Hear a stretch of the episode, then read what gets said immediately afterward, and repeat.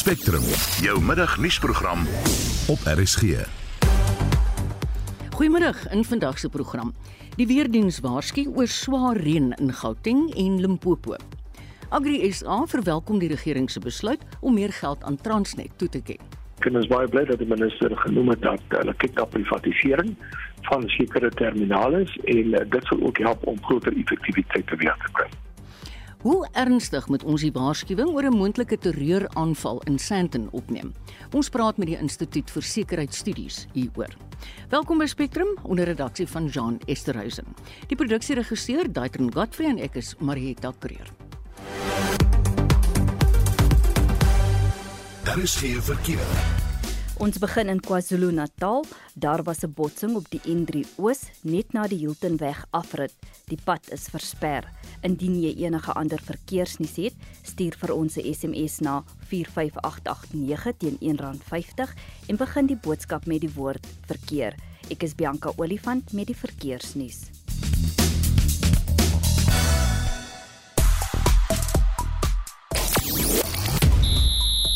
Die Proteas vermorsel Bangladesh by die T20 Wêreldbeker toernooi in Australië.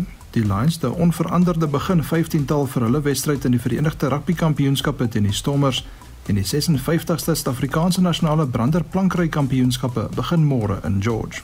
Ek is Shaun Houston is later terug met meer inligting. Die Johannesburgse voorstad Sandton is heel bo aan die lys van hitsmerke op Twitter.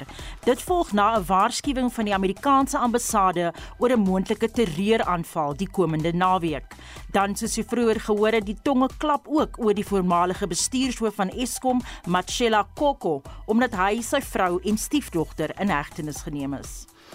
Ja, almal wat nou al van vroegdag af luister na RSG sal weet. Vandag 85 jaar gelede op 27 Oktober 1937 is die Afrikaanse diens van die SAIK begin wat later ook bekend sou staan as Radio Suid-Afrika en nou RSG. Luisteraars kan nou reg oor die wêreld inskakel via RSG se webblad terwyl bykans al die stasies se programaanbod as potgoeie beskikbaar is. Ag laat weet vir ons asseblief wat is jou beste herinneringe aan Afrikaanse radio oor die jare. Stuur gerus 'n SMS na 45889 jaag jou rand 50 uit die sak of jy kan saampraat op ons Monitor en Spectrum Facebookblad.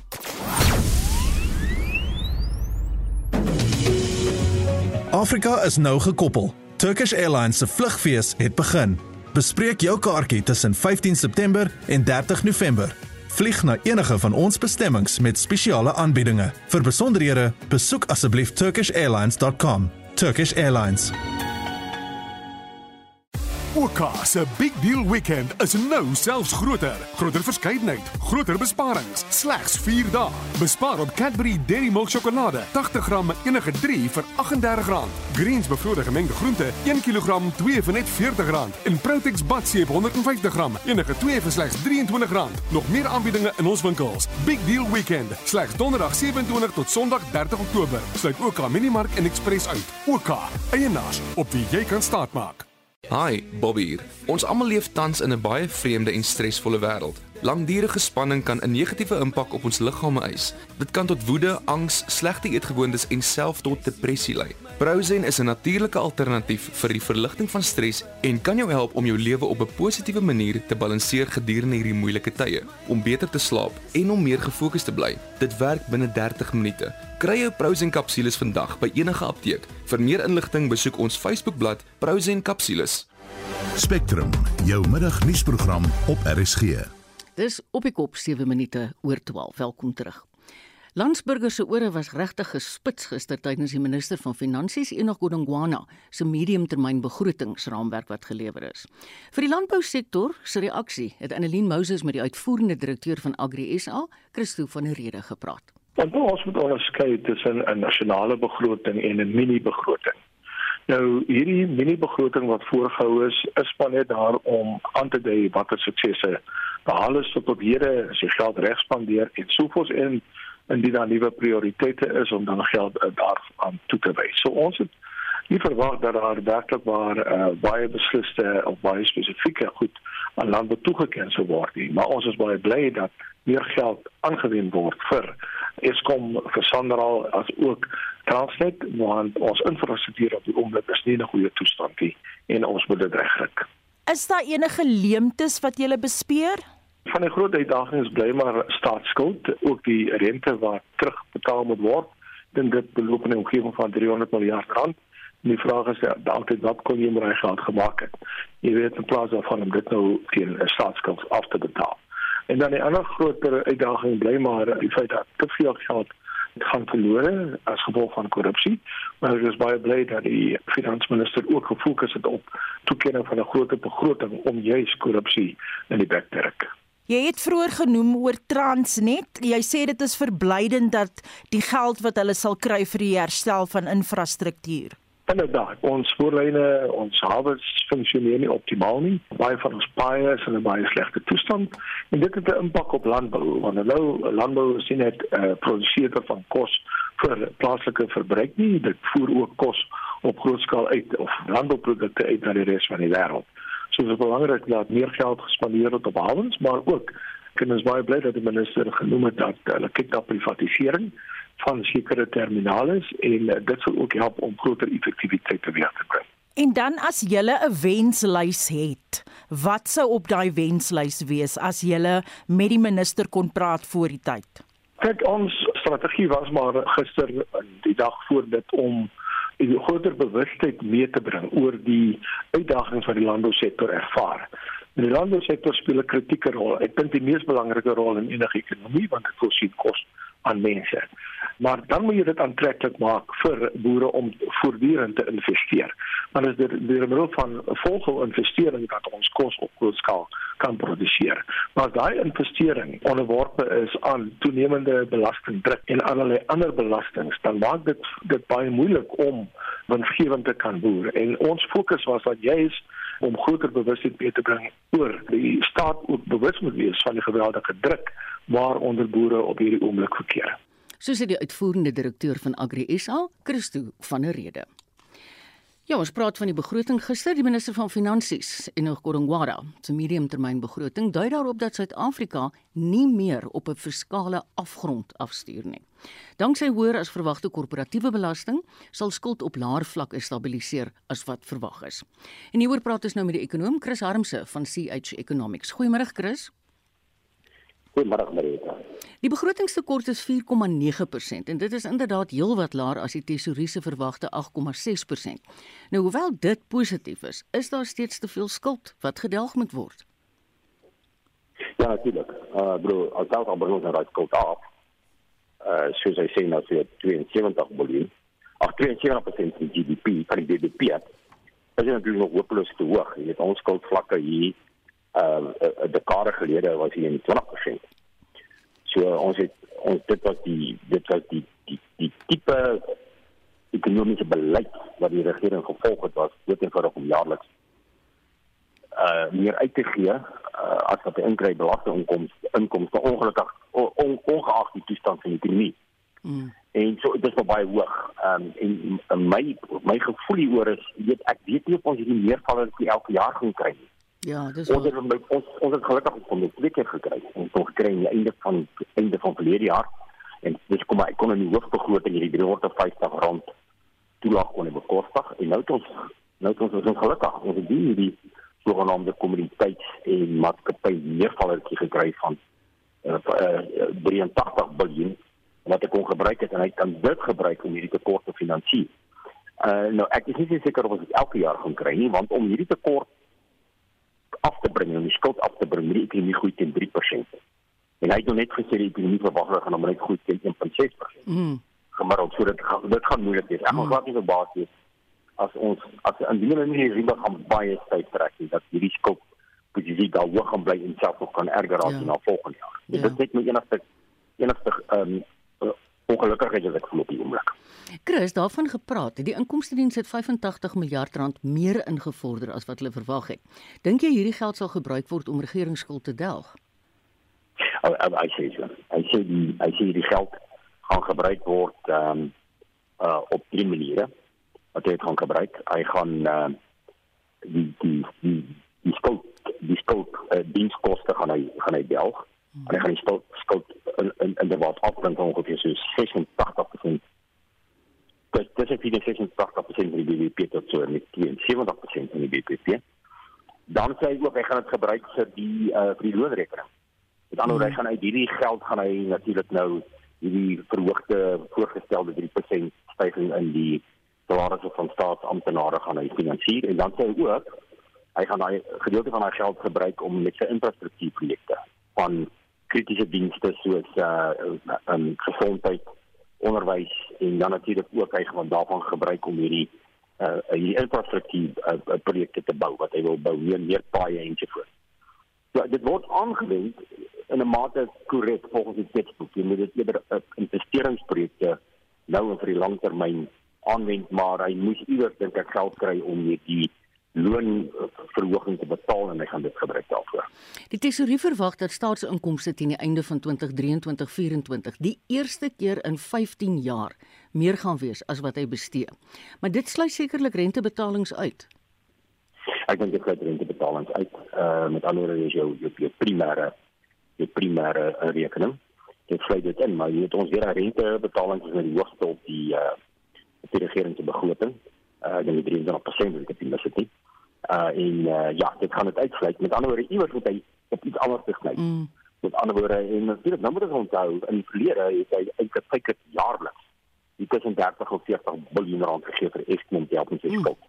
Ek wil nou daarby kom. Nou trek ek hy skuld oorgeneem. Ja. So ek dink op die lopende op die lopende op die lopende kant gaan hy nou nie meer daardie geld mm. oor te betaal aan van hierdie staatsondernemings nie. Dit gaan om 'n staatsstel om eintlik kom ons sê 'n lopende sirkus en aanhalingstekens te kan ja genereer volgende jaar.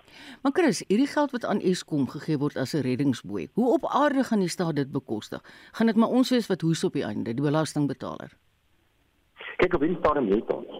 Uh die minister van finansies het juis met die ehm uh, vakansiedag in September uh op met die munisipaliteite gesels. Hy sê dit was een fout wat die regering gemaak het. Uit vir 3 jaar, 4 jaar het hy hopeloos te veel geld aan die staatsondernemings gegee om hulle uit 'n reddingsboei waar hy daai geld eintlik moes gebruik het vir infrastruktuur en ander verbeteringe in dienste. En hy het dit erken. En die bedrag wat hy genoem het aan Eskom alleen was oor die 200 miljard uh, wat hy gegee het. En ek dink dis my duidelik dat die, die feit dat hulle nou 'n gedeelte wil privatiseer van Eskom uh, uh, die feit dat hulle uh net van alternatiewe energie wil gebruik en van die energie en die elektrifisering van die private sektor wil koop gaan ek baie verbaas wees as hy in die volgende begroting vir Eskom nog verder geld gaan gee. Mm. Hy het dit eintlik in die vorige begroting al reeds gesê en ek dink dis 'n manier hoe hy natuurlik uh, sy lopende uitgawes kan afbring. En onthou, uh, die SAL het vir jaar ook uh, het, het, het in Maart maand ook 16 miljard gekry en die landbank het 5 miljard gekry.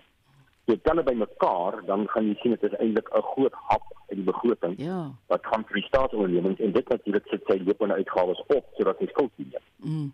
Hoorie Chris, is jy bekommerd dat daar nie begroot is vir die permanente instelling van die maatskaplike verligtingstoelaag nie, maar is net vir nog 'n jaar verleng? Ek dink ek dink verleng vir 'n jaar en ek dink saam met ehm um, ehm um, van die ander ekonome en kollegas uh, wat Janie volgens gesê het, is dat ons kan dit ons kan dit volhou.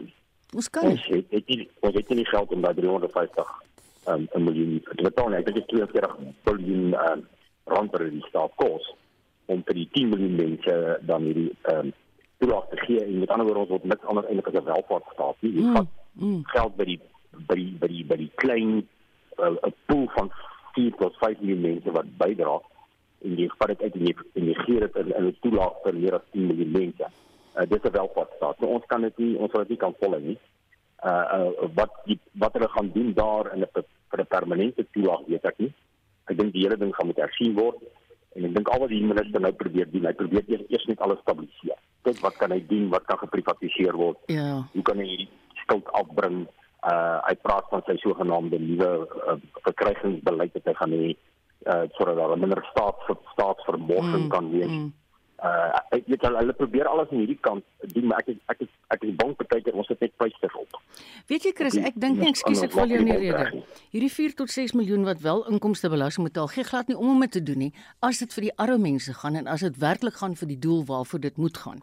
Maar goed, dis nou net my opinie. Dit was 'n uh, die hoofekonoom van CH Economics, Dr. Chris Harmse.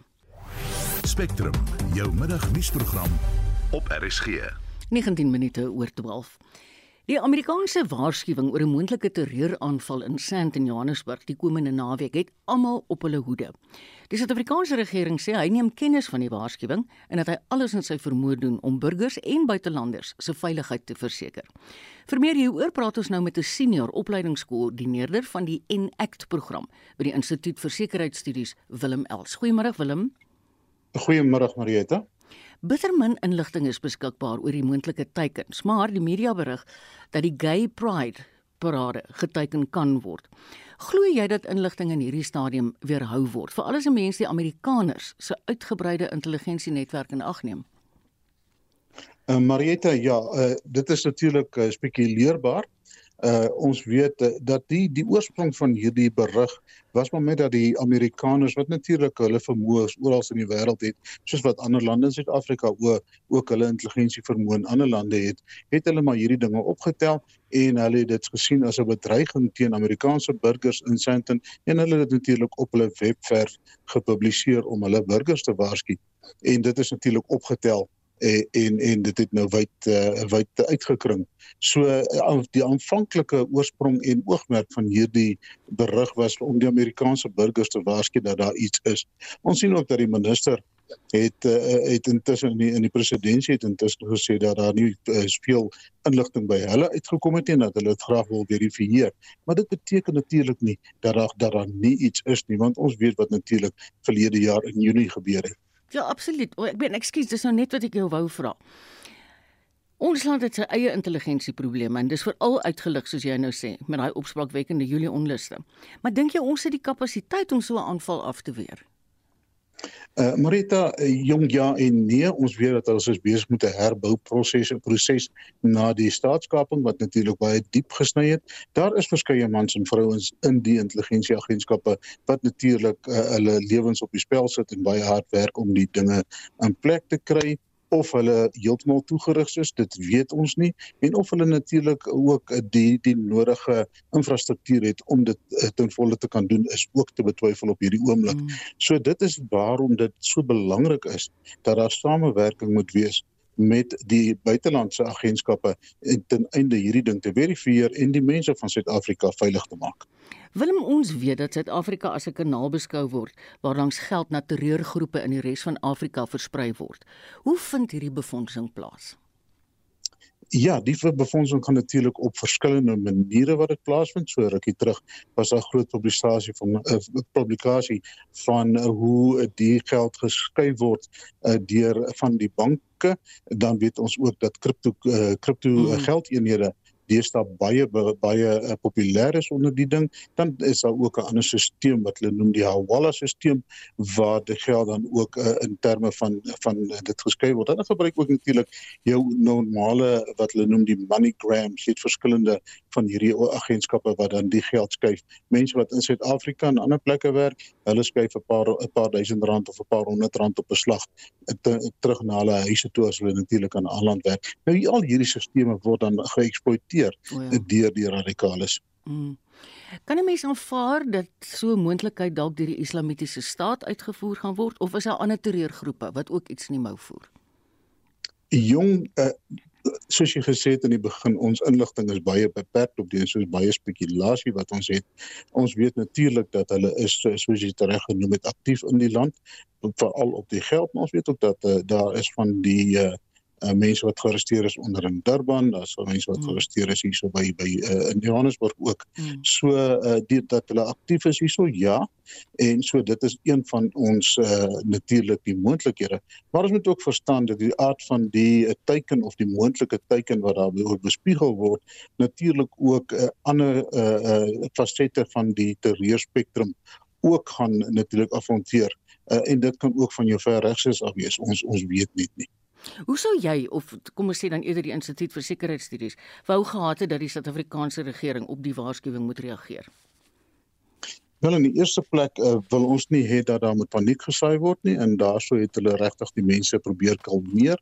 Uh, uh dit is moeilik vir die minister om op te staan en te sê vertrou my in die in die agtergrond van wat die afgelope onlangse verlede gebeur het in verlede jaar se se onruste. Mm. Maar ons wil graag vir hulle die voordeel van die twyfel gee dat hulle dinge ondersoek, dat hulle hande gevat het met die internasionale agentskappe en dat hulle hard werk agter die skerms om natuurlik ons te beveilig. Dink jy ou moet wegbly van Sandton in naweek? Jong, ek ek sê vir die mense, mense moet miskien hanteer soos 'n bomdreigement. As daar 'n mm. bomdreigement gerig word, jy weet nie of die bom daar gaan wees nie. Maar jy hanteer dit asof hy daar gaan wees net vir ingeval. So dit is beter om veilig te speel. So as ek wil sou aanraai dat as mense nie daar hoef te wees nie, dat hulle miskien die plekke moet verby en as hulle daar is moet hulle baie versigtig wees en natuurlik wakker wees. Hulle moet hulle moet waaksaam wees om dit so te sê. Ja, maar kyk, ons het die Gay Pride binne aan die gang is. Daar's 'n wynfees aan die gang, maar in die tussentyd is daar ook by die FNB stadion 'n verskriklik groot sokkerwedstryd wat uitverkoop is.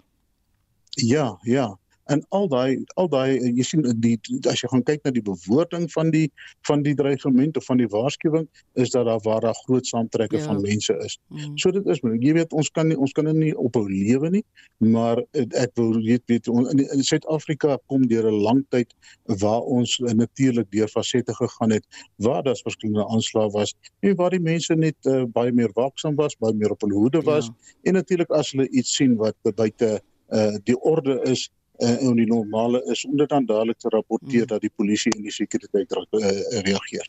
Baie baie dankie Willem. Willem Els is van die Instituut vir Sekuriteitsstudies. 25 minute oor 12. Nou iets anders wat ons almal raak. Die weerdiens het 'n waarskuwing van swaar reën uitgereik. Dit raak Gauteng, Limpopo en die Vrystaat. Boonop kan die reën tot oorstromings lei. Ons praat nou met 'n voorspeller van die Suid-Afrikaanse weerdiens, Quentin Jacobs. Is dit Jacobs of Jacobs Quentin? Is Jacobs. Ag ekskuus man. Waar reën dit op die oomblik die meeste in die land? Uh op hierdie stadium lyk dit my die swaarste reën sal in Limpopo en uh Gauteng wees en ja waarskynlik ook dele van die van die Noordwes, maar hier in die Vrystaat gaan ons ook uh groot sto groot storms hê. Ek dink uh veral in die oostelike dele van die Vrystaat kan dit ook uh, redelik swaar reën. Die res van die Vrystaat is nog bietjie droog, so uh, oorstromings nog nie regtig 'n groot probleem nie. Waar het julle in die onlangse 24 uur die hoogste reënvalsyfers aangeteken? Um ek het ongelukkig nou nie daai getalle by my nie, maar ek sou reken dit uh dit behoort in Gauteng of uh die omliggende gebiede Goed. wees want dit is waar die aktiwiteit op sy hmm. uh, swaarste was. So 'n weerwaarskuwing wat julle nou uitreik, wat presies behels dit? Kyk, die weerwaarskuwing soos wat dit nou werk is ons stuur 'n waarskuwing uit vir wat gaan gebeur met die weer. So dis ook op die waarskuwing sê daar's kans vir, vir oorstromings ja. of uh swaar haal of baie klein haal. Ons probeer ons probeer vir die mense sê wat met die weer gaan gebeur onder daai toestande eerder as om net te sê dit is ewige donderstorms. Ons probeer die die waarskuwing meer um, lyf gee. Ja, meer doel prefereer ja, te gee. Ja, ja. Hoe lyk dit vir volgende week Quentin asseblief? Volgende week het lyk dit asof ek maar basies 'n uh, 'n nat 'n 'n nat week kan wees wat voor lê hier vir die oostelike dele van die land. Meestal namiddag donderstorms. Dit is normale somer somertoestande. Baie dankie Quentin, dit was die voorspeller van die Suid-Afrikaanse weerdiens, Quentin Jacobs. President Cyril Ramaphosa en die eerste minister van Spanje, Pedro Sanchez, hou vandag samesprekings by die Uniegebou in Pretoria om betrekkinge te verstewig. Suid-Afrika en Spanje het reeds 'n goeie en 'n bestendige verhouding. En vir meer oor die staatsbesoek, praat ons nou met die hoof van internasionale skakeling by Solidariteit, Jaco Kleinhans. Hallo Jaco. Goeiemiddag Marita. As daar nou sulke vreeslike goeie betrekkinge is soos ons sê, hoekom is dit Sanchez se eerste besoek sedert hy in 2018 aangestel is? Ja, interessant genoeg. Ehm um, ek dink ons het die afgelope paar maande natuurlik uh, gesien dat ook ander uh, leiers uit Europa, uh, Suid-Afrika en ander Afrika lande kom besoek het. Ons dink byvoorbeeld aan Olaf Scholz, die Duitse kanselier Emmanuel Macron van Frankryk. So daar is 'n tendens om Afrika te besoek en dit is vir 'n paar redes. Die een handel duidelik om energie. Uh, Daar's 'n energiekrisis in Europa mm. uh, en Europa sien definitief Afrika as deel van die oplossing om hierdie energiekrisis op te los ons daar's 'n oorlog in die ooste van uh, Europa uh, en uh, dis uh, duidelik dat die Europese leiers, westerse leiers graag wil hê dat Afrika lande um, 'n sterker standpunt moet inneem teen Rusland uh, se oorlog in hierdie geval. Nou die uh, Spaanse eerste minister het natuurlik gister eers uh, Kenia besoek en in Kenia het hulle 'n redelike sterk bondgenoot die afgelope tyd uh, gevind. Ehm um, so uh, dit is ook duidelik op hulle agenda wat hulle voor uit voor voor hierdie besoek aan Suid-Afrika bekend bekend gemaak het dat hulle baie spesifiek oor oor hierdie sake met president Ramaphosa wil praat. Nou, ek dink die afgelope 2-3 jaar was moeiliker. Ek dink daar was 'n baie sterk interne fokus gewees mm. rondom die pandemie en al die ander probleme en dit is hoekom 'n mens waarskynlik gesien het dat iemand so Sanchez nog nie Suid-Afrika voorheen besoek het nie. Jy het nou verwys na groter verbintenis met Afrika. Is ek reg as ek sê Sanchez kom nou juis van 'n besoek aan Kenia af? Dis heeltemal korrek Marita. Wat interessant is is die Spaanse regering het in 2019 wat hulle noem hulle derde Afrika plan bekend gemaak. Nou dit is 'n 'n strategiese plan vir uh Spanje se verhoudinge met die hele Afrika en in hierdie dokument het hulle drie lande geïdentifiseer wat wat ankerlande moet wees vir die Spaanse buitelandse strategie in Afrika. Suid-Afrika is een van hulle, die ander twee is Nigerië en Ethiopië. Ons weet ja. natuurlik dat Ethiopië tans uit uitdagings het, mm. byvoorbeeld met 'n burgeroorlog. Mm. Nigerië het uit uit uitdagings met terreur en onveilige omstandighede. Baie interessant dat Spanje besluit om uh, Suid-Afrika natuurlik steeds deel van sy plan te maak. Daaroor moet ons bly wees, ja. maar dat hy ook besluit het om Kenia te besoek. Kyk, ek dink 'n goeie samewerkingsooreenkoms tussen Suid-Afrika en Spanje gaan duidelik vir ons finansiële voordeel inhou as ek reg. Jy's heeltemal reg, uh, Marita. Kyk, ons het groot geleenthede vir groter uitvoere na Europa in die algemeen. En ek dink dit is waarop die Suid-Afrikaanse regering moet fokus. Ek dink daar's twee geleenthede hier.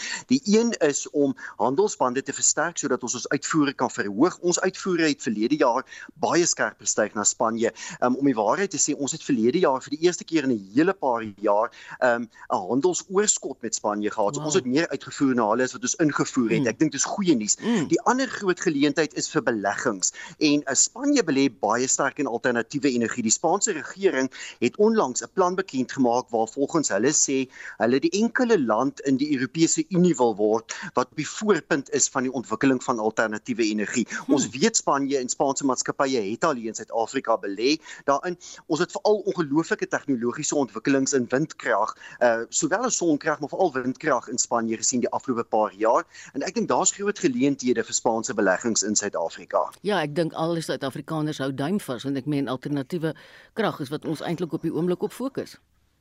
Heeltemal. Nou kyk, dit is 'n dis 'n dit is ons sluit eintlik aan hier by 'n by 'n globale probleem. Natuurlik is die is die oorsake vir ons ons energiekrisis bietjie anderster as die oorsake ja, in Europa. In Europa het hulle nou die die gaskrisis uit eh, met, Rusland en, mm. en en, en natuurlik Spanje wat ook ehm um, uh, redelik afhanklik was van gas. Hulle omtrent so 'n kwart van hulle elektrisiteit word opgewek uit aardgas. Nie so erg soos Duitsland byvoorbeeld nie, maar Spanje oh, ja. het self 'n 'n uitdaging. Mm. En ek dink Suid-Afrika moet inskakel by hierdie by hierdie beweging om om ehm um, uh, duidelik tot hierdie bronne wat beskikbaar is binne Europa, nie net in Spanje nie, maar binne die Europese Unie om toegang daartoe te kry om meer alternatiewe energie te ontwikkel. Jaco, baie dankie vir jou tyd en jou insig. Dis Jaco Kleinhans.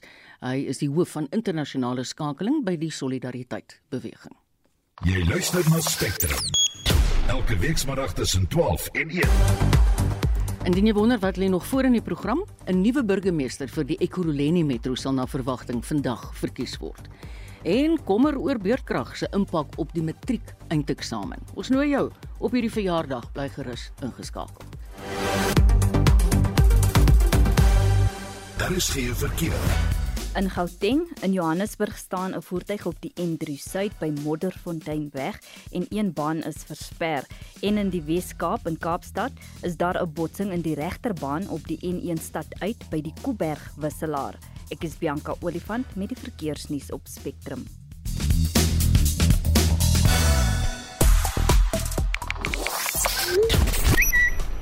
Die moontlikheid van 'n terreuraanval het nie Suid-Afrikaners van hulle sin vir humor ontneem nie.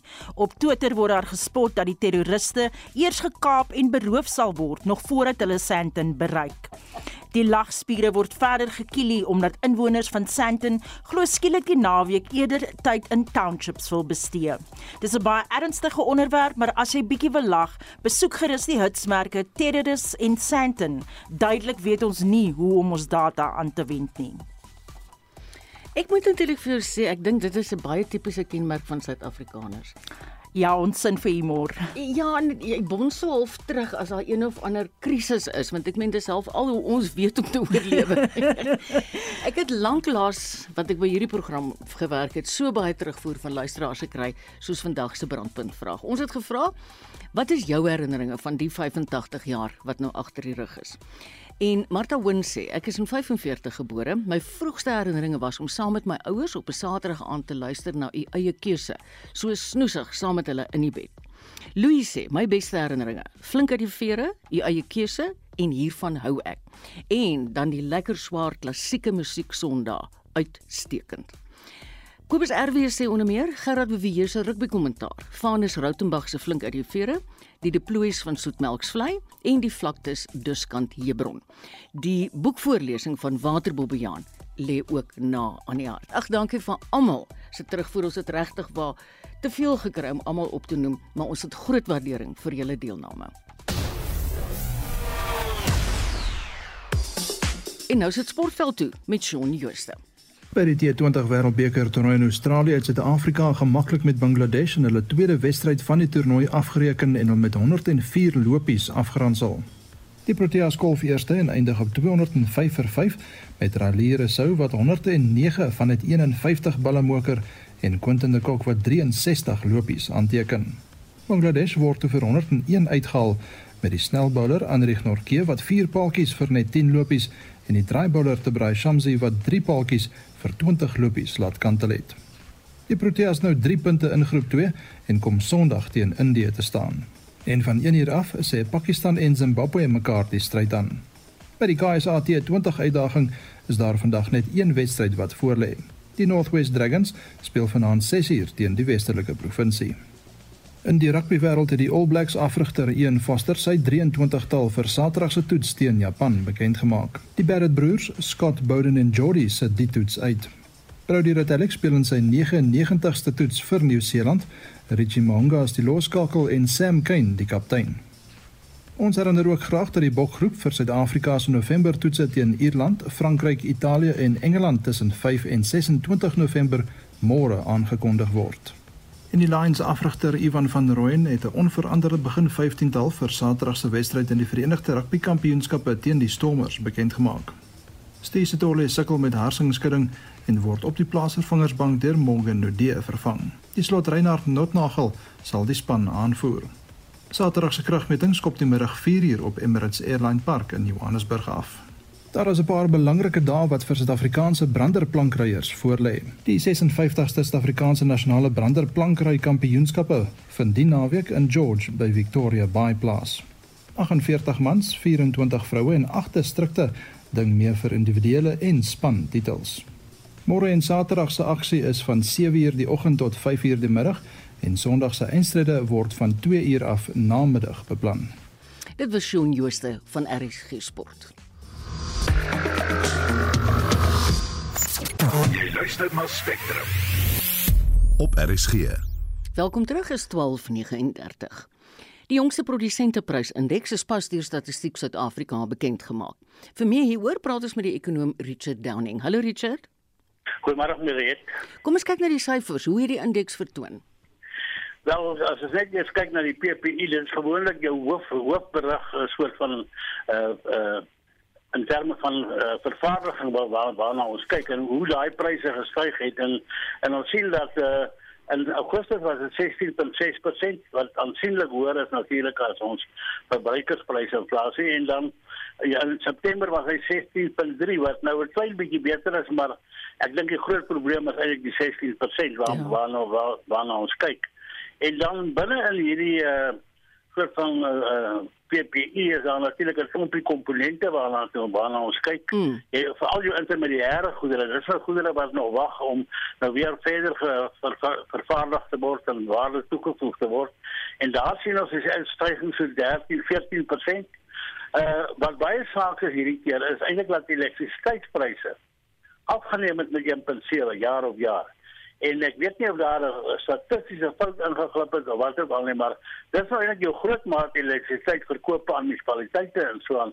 En ek weet nie ek ervaar dit nie, maar ek bly dat my elektrisiteitspryse afgekom het. Nee, beslis nie. nie. Maar, nee, beslis nie. Maar dat hierdie minus 1.7 op die groot maat van elektrisiteit is vir my 'n bietjie verdag op die oomblik en ek weet nie of ek heeltemal daarmee kan saamleef nie. Mm. En dan sien ons natuurlik in jou mynbou waar jy minerale en kommoditeitspryse redelik skerp gestyg het. Daai stygings is in omgewing van 30% en dit is baie ook te doen maar eintlik met jou brandstofpryse en so en wat redelik daar bydra.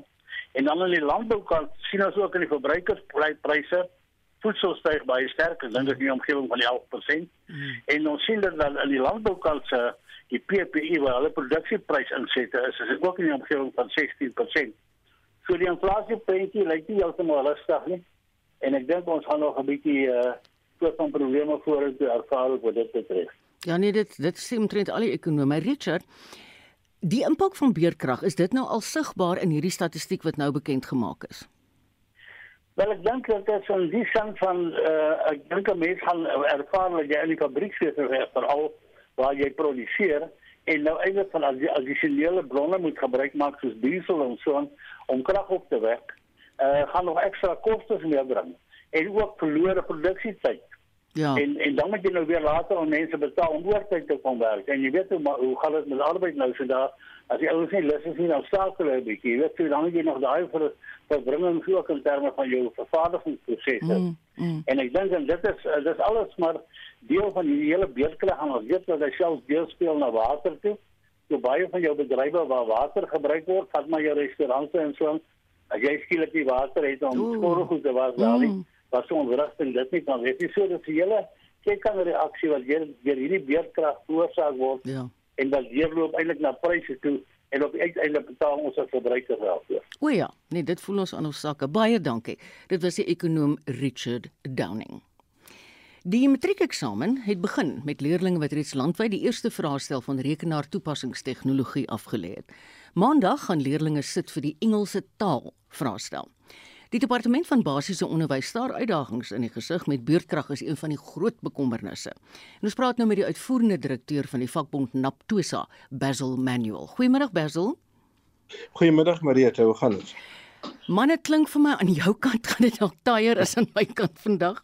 Ek wil jou vra hierdie groep matrikulante, hulle was in graad 10 toe die COVID pandemie ons getref het in 2020. Dink jy hulle het hulle leer agterstand ingehaal sedert die pandemie? Maar jy het ons hoop so. Kyk, daar's baie werk wat gedoen is. Uh veral deur die matriekonderwysers van van hierdie jaar. Maar hulle het mos nou 'n groot groot taak gehad om uh so baie in te vang. En maar ons bekommer ons oor daardie leerders wat nou nie akademies is. Want uh, ons moet onthou dat ons eksamen nog tans 'n baie akademiese eksamen mm. is. Mm. Mm. En as jy nou nie akademies is nie, dan beteken dit dat jy nou veel veel harder moet werk as enige een van die ander kinders. En dan is daar die ander kinders natuurlik wat waar die geestesgesondheid nie is wat dit moet wees nie. Ja. En ons bekommer ons oor daardie kinders ook waar ehm um, hierdie baie werk en die druk op hulle mm. net te veel raak. So daar is baie dinge waaroor ons bekommer, maar ons is hoopvol is dat daar baie werk gedoen is. Dink jy daar is enigsins 'n kans vir die uitlek van vraestelle? Ek dink daar ook is daar baie werk gedoen om om te verhoed dat wat 2 uh, 2 jaar gelede gebeur het, is hy self herhaal. Beerkrag uh, nou waarskynlik, ekskuus, ek praat eers klaar. Maar natuurlik, we werk ons met mense. en as jy met mense werk, kan enigiets gebeur. Feilbare mense. Ja. Ehm um, Basil beurtkrag gaan blyk blyklik volgende week hele week nog toegepas word. Wat behels die departement se plan om die impak van beurtkrag op die eksamen te versag? Ek weet hulle het nou gesê almal moet kragopwekkers kry by die skole. Uh dis ook maar nou net 'n storie. Kragopwekkers. Want dis bykans onmoontlik.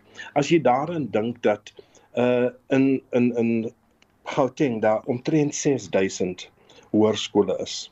In KwaZulu-Natal is daar omtrent so 7000 mm. en so voort. Dink jy regtig dat ons al elke en ieder van daardie skole 'n 'n 'n kragopwekker kan kan gee? En dan is daar die koste van van 'n uh, petrol en so voort. Ek ja. glo nie dat daardie dat daar so 'n saak is nie. Dis nou iets wat gesê is om mense stil te kry en dan hoop ons dat die dat niemand dit sal uh, onthou nie. Kyk, uh, ek dink nie dat daar 'n plan is nie omdat dit immers moeilik is om 'n plan te maak as jy nou dink dat die hele land hierdeur geaffekteer word. Maar ek dink ons moet hieruit leer en vorentoe kyk. Ons moet daarom kyk na sonkrag en hoe ons dit kan gebruik in ons skole. Mm. Dis veel goedkoper as kragopwekkers en natuurlik is dit 'n permanente uh, 'n uh, uh, ding wat ons daar gaan doen. Mm. Maar ek dink nie ons moet terugsit en wag, maar ek glo nie dat hier in hierdie jaar daar 'n groot plan is om te verhoed dat skole geaffekteer kan word. Ons het nou gesien met die uh, rekeningstoepassing te tegnologie tegnologie mm. eksamen waar baie kinders dit nie kon voltooi nie. Ja, van die krag was af. Mm. Van die krag was af. Maar ons weet ook met daardie eksamen is daar altyd 'n tweede datum Goed. want daar's altyd dinge wat gebeur of jou komper werk nou net nie of uh, skielik is is die hele uh, dorpie sonder ligte en wat ook al. So daardie tweede datum verskryf 'n uh, ander 'n uh, ander vraestel natuurlik ja, is al klaar daar Goed. en dit is aan die einde van die eksamen. Dit doen ons elke jaar. Goed. Maar uh, met beerdkrag glo ek nie dat ons baie kan doen daarin. Ja, ek hoor jou. Net vinnig Bersel, daar dreig nou 'n moontlike staking in die staatsdiens oor 'n loonsgeskil. Wat is Naptosa se standpunt?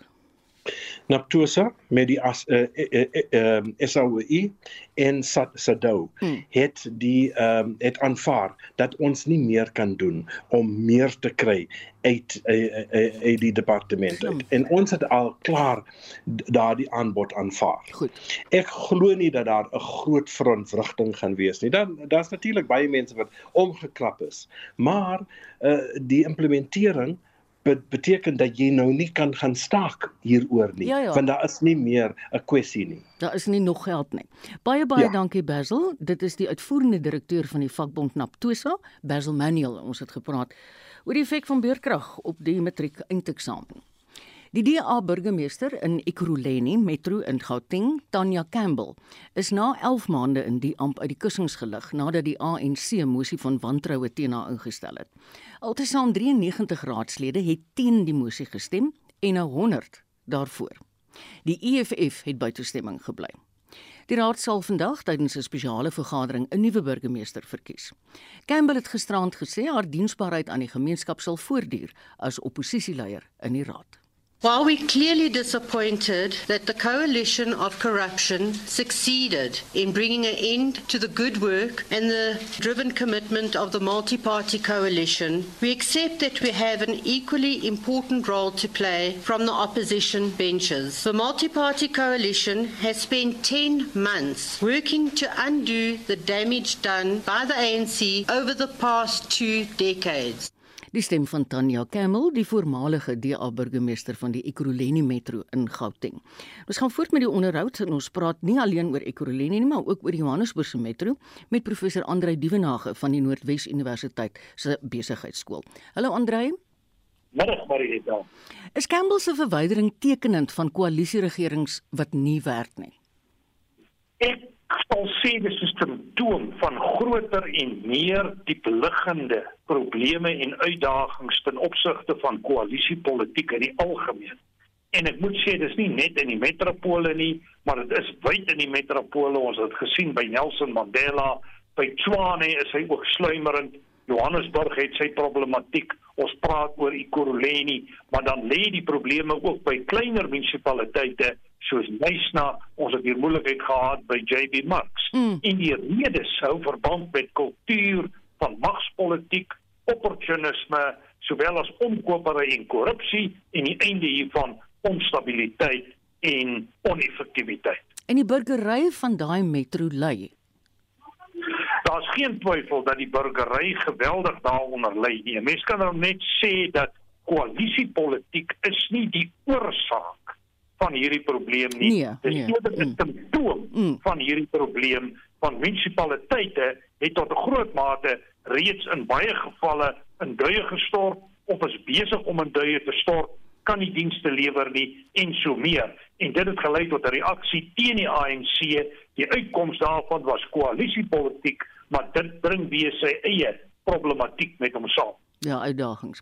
Wat is die grootste probleme dan nou in Ekurhuleni? Wel, ek dink die groot probleem is dat ons eintlik bykans 2 dekades gehad het van ANC-regering wat eintlik 'n vernietigende effek gehad het op daardie metropool, soos ook in die geval met baie ander metropole mm. en munisipaliteite. En ek dink dit is gewoon 'n kwessie, jy het 11 maande genoem hier, in 11 maande kan jy nie daai skip nee. omdraai nie. Mm -mm. As ek praat met mense, dan sê hulle vir my wat hulle die omgewings ken, dit gaan ons 5 tot 10 jaar neem yes. om daai prosesse weer reg te kry. Maar die kernmoeilikhede is groot finansiële uitdagings, swak of totaal afwesige dienslewering, korrupsie en wanpraktyke en natuurlik die hele groter problematiek van kaderontplooiing. Ja. Nou Johannesburg Metro het nou vandag die vergadering waar die burgemeester in Popalatsi na pos heraangestel word na die hofuitspraak.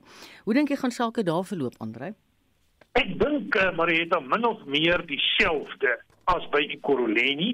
Ek dink hulle gaan net hierdie keer binne die gestelde prosedures en protokolle gaan hulle die wantroue hardloop en ek dink hy behoort suksesvol te wees en ek dink in die algemeen is dit nie goeie nuus vir Gauteng nie. Ek wil net miskien die punt maak en ek dink dit is 'n belangrike punt om te maak. Ons sien dat koalisieregering in Suid-Afrika in die algemeen sukkel en dit wil my voorkom of hier 'n groot tekortkoming op die wetgewende kant is rondom koalisies, miskien 'n saak wat die uh, onafhanklike verkiesingskommissie moet aanspreek. En dit is as 'n koalisie 'n plaaslike regering sou oorneem, moet daar 'n bindende ooreenkoms ja. wees mm. tussen partye wat vir 'n periode gehandhaaf word, mm. ten minste vir die termyn, en dat partye nie sonder meer net kan uitklim en terugklim en maak soos hulle wil nie. Ons kan daai onstabiliteit nie bekostig nie en die impak daarvan op die burgery te negatief. Ek dink dit is 'n baie konstruktiewe voorstel. Baie dankie Andrei. Ons het gepraat met die navorsingsprofessor aan die Noordwes Universiteit se besigheidskool, Andrei Dievenage. Estie het vir ons die hoofnuus dopgehou en sy kyk ook na ander stories wat in die nuus is. Hallo Estie. Hallo Marita. Die Volke het Eskom se voormalige waarnemende bestuurshoof, Machela Koko, sy vrou Mosima en sy stiefdogter Kuketsu Choma in hegtenis geneem op klagte van korrupsie. En dit hou verband met 'n multimiljardrandse kontrak wat Eskom in 2015 gesluit het met die Switserse ingenieursmaatskappy Asia Brown Boveri. Die maatskappy, die Suid-Afrikaanse maatskappy Impulse International, waar Choma aandeelhouer was, gesubkontrakteer. En sy het na bewering 30 miljoen rand uit die kontrak gekry en van die geld is na bewering aan Kokko en Musima oorbetaal. Hier is Rudy Heineke van Alta. Ons sal graag wil sien dat hierdie saak so vinnig as moontlik op verhoor kan gaan, maar natuurlik sal daar nou eers deur die voorafprosedures gegaan word ten aansien van 'n borgaansoek en dis meer, maar ons hoop dat daar spoedig begin kan word met so 'n verhoor. Die Vryheidsfront Plus leier Dr Pieter Groenewald het strafregtelike klagte van hoogverraad en aanhitsing tot geweld by die polisie ingedien teen die EFF leier Julius Malema. Dit spruit voort uit uitsprake wat Malema die naweek gemaak het by 'n EFF konferensie in Kaapstad. Hy het glo gesê dat EFF-lede 'n wit man wat na bewering EFF-lede by skool aangerand het, moet uitsorteer. Malema het nou bewering gesê EFF-lede moet die man na 'n afgesonderde gebied neem en hulle moenie bang wees om dood te maak nie.